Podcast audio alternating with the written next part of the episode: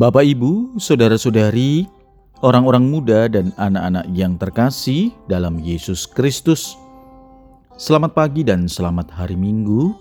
Salam bahagia dan salam seroja untuk kita semua. Berkah dalam.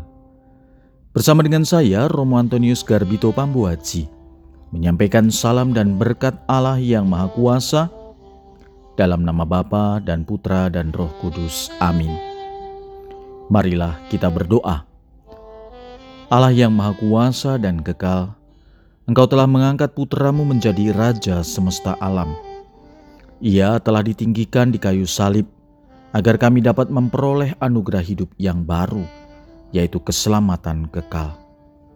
Kami mohon, semoga kami selalu berbakti kepadanya, sebab dialah Tuhan dan pengantara kami yang bersama dengan dikau dalam persatuan roh kudus, hidup dan berkuasa Allah sepanjang segala masa. Amin. Hari ini Minggu 22 November, gereja merayakan Hari Raya Kristus Raja Alam Semesta.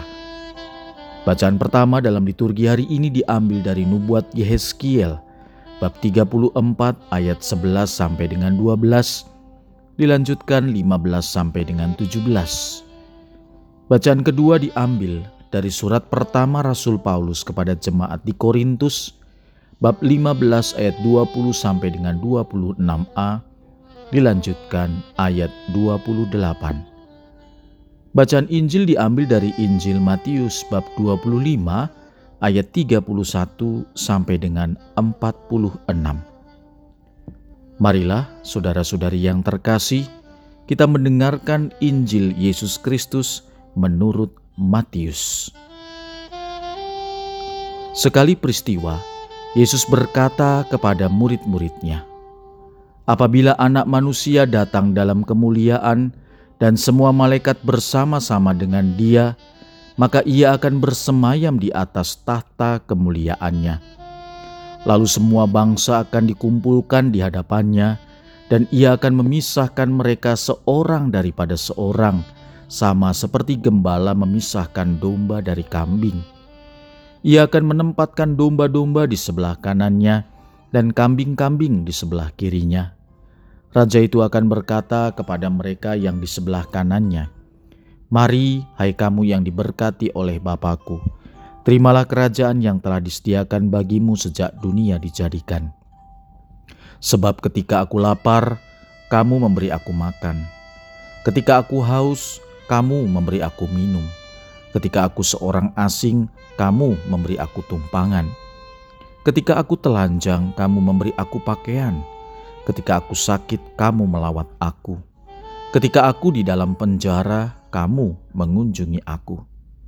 Maka orang-orang benar itu akan bertanya kepadanya, "Tuhan, bila manakah kami melihat Engkau lapar dan kami memberi Engkau makanan, atau haus dan kami memberi Engkau minum?" Bila manakah kami melihat engkau sebagai orang asing dan kami memberi engkau tumpangan, atau telanjang dan kami memberi engkau pakaian? Bila manakah kami melihat engkau sakit, atau dalam penjara dan kami mengunjungi engkau? Dan raja itu akan menjawab mereka, Aku berkata kepadamu, sesungguhnya segala sesuatu yang kamu lakukan untuk salah seorang dari saudaraku yang paling hina ini, kamu telah melakukannya untuk aku.' Lalu raja itu akan berkata juga kepada mereka yang di sebelah kirinya, Enyahlah dari hadapanku, hai kamu orang-orang terkutuk, enyahlah ke dalam api yang kekal, yang telah sedia untuk iblis dan malaikat-malaikatnya. Sebab ketika aku lapar, kamu tidak memberi aku makan. Ketika aku haus, kamu tidak memberi aku minum. Ketika aku seorang asing, kamu tidak memberi aku tumpangan. Ketika aku telanjang, kamu tidak memberi aku pakaian ketika aku sakit dan dalam penjara kamu tidak melawat aku. Lalu mereka pun akan bertanya kepadanya, Tuhan, bila manakah kami melihat engkau lapar atau haus atau sebagai orang asing atau telanjang atau sakit atau dalam penjara dan kami tidak melayani engkau? Maka ia akan menjawab mereka, Aku berkata kepadamu sesungguhnya segala sesuatu yang tidak kamu lakukan untuk salah seorang dari saudaraku yang paling hina ini, kamu tidak melakukannya juga untuk aku. Dan mereka ini akan masuk ke tempat siksaan yang kekal, tetapi orang benar masuk ke dalam hidup yang kekal. Demikianlah sabda Tuhan, terpujilah Kristus. Saudara-saudari yang terkasih dalam Yesus Kristus, penampilan seorang raja sebagai sosok yang maha jaya dan maha mulia, yang berdaulat dan berkuasa, sudah sangat lazim namun dalam bacaan pertama, ditampilkan sosok raja yang sama sekali berbeda. Bukan sebagai seorang maharaja dunia yang dikelilingi oleh rombongan abdi atau pelayannya, tetapi sebagai seorang gembala yang dengan penuh perhatian mempedulikan kawanan dombanya, khususnya mereka yang terlantar, yang tersesat dikala menghadapi masa yang tidak begitu cerah. Hari berkabut, dan hari kegelapan. Di saat-saat seperti ini raja yang kita eluk-elukan ini bertindak bagaikan gembala. Yang hilang dicarinya, yang luka dibalutnya, yang sakit dikuatkannya, yang terlupakan diperhatikannya, yang tersingkir direngkuhnya. Sosok seorang gembala, pelayan yang sederhana dan tidak menonjolkan diri bukan penguasa yang selalu menuntut untuk ditaati dan dilayani. Itulah gambaran raja yang kita sambut meriah pada hari ini. Dalam bacaan kedua, menampilkan Yesus Kristus yang telah mengalahkan maut dan bangkit mulia. Sebagai raja yang menguasai segala sesuatu, pemerintahan, kekuasaan, dan kekuatan. Bahkan ia juga menaklukkan dosa dan kematian. Dengan demikian, kekuasaannya sebagai raja menjadi sempurna. Gambaran martabat rajawi Kristus ditampilkan dalam Injil hari ini. Pertama-tama ia ditampilkan sebagai sosok raja yang akan datang dalam kemuliaan. Dikelilingi oleh semua malaikatnya dan bersemayam di atas tahta kemuliaannya yang menghimpun semua bangsa di hadapannya lalu memisahkan domba dari kambing. Tetapi raja yang mulia ini kemudian mengidentifikasikan diri dengan orang-orang kecil di dalam masyarakat.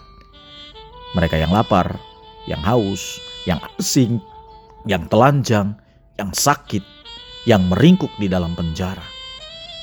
Semua orang yang peduli pada kelompok marginal ini diikut sertakan dalam pemerintahan Raja Kristus.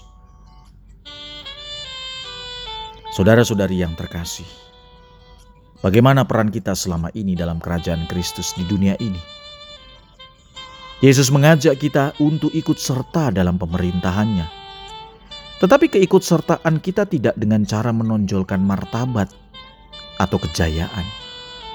Orang yang dianggap layak ambil bagian dalam pemerintahan kerajaan Kristus adalah orang biasa yang menangkap kehadiran Kristus dalam diri pribadi-pribadi yang marginal, yang peduli mereka yang gagal atau sengaja tidak mau peduli terhadap orang-orang yang tersingkir, mereka yang lemah, mereka yang miskin, mereka yang terpenjara, mereka yang sakit, dianggap tidak layak ambil bagian dalam pemerintahan Raja Kristus. Bahkan mereka diusir. Enyahlah dari hadapanku. Hai kamu orang-orang terkutuk, enyahlah ke dalam api yang kekal yang telah disediakan iblis dan malaikat-malaikatnya. Saudara-saudari, dengan kata lain, sabda Tuhan atau permenungan yang bisa kita ambil hari ini adalah pertanyaan, bagaimana dalam kehidupan kita sehari-hari diajak untuk senantiasa menemukan wajah Kristus yang hadir dalam pribadi-pribadi saudara-saudari kita yang hina, yang sakit, yang ada dalam penjara, yang tidak diperhitungkan dalam masyarakat. Kalau kita mau hadir untuk mereka, maka kerajaan Kristus semakin nyata. Marilah kita berdoa. Tuhan Yesus, kami telah menerima santapan suci, jaminan hidup abadi. Semoga kami yang bangga menaati perintah Kristus Raja alam semesta diperkenankan menikmati hidup abadi dalam kerajaan sorga bersama dia yang hidup dan berkuasa sepanjang segala masa.